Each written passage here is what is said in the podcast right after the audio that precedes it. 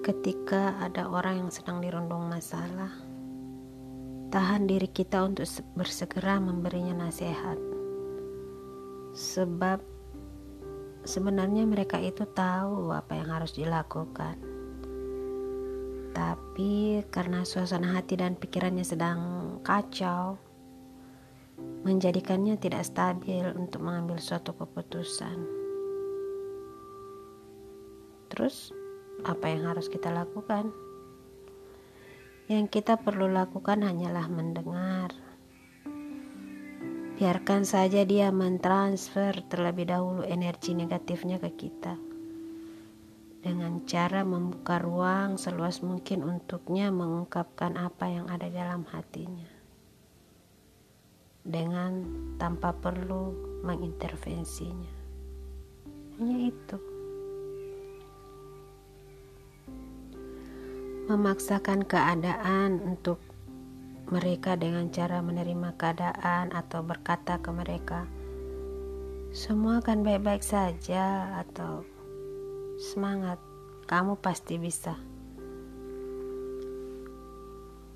Kalimat ini akan seakan-akan mengabaikan perasaan sesungguhnya dari orang tersebut seolah-olah perasaan negatif yang dialami dan ingin diungkapkannya itu menjadi tidak penting bagi lawan bicaranya, yaitu kita. Alih-alih bermaksud untuk menolongnya, justru kita malah mendapat masalah baru sebenarnya kepadanya. Karena mereka akan merasa lemah karena anggapan remeh lawan bicaranya, atau bahkan lebih buruk dari itu. Jadi, cukup diam dan dengarkan dulu. Itu sebenarnya yang mereka perlukan. Itu yang mereka butuhkan.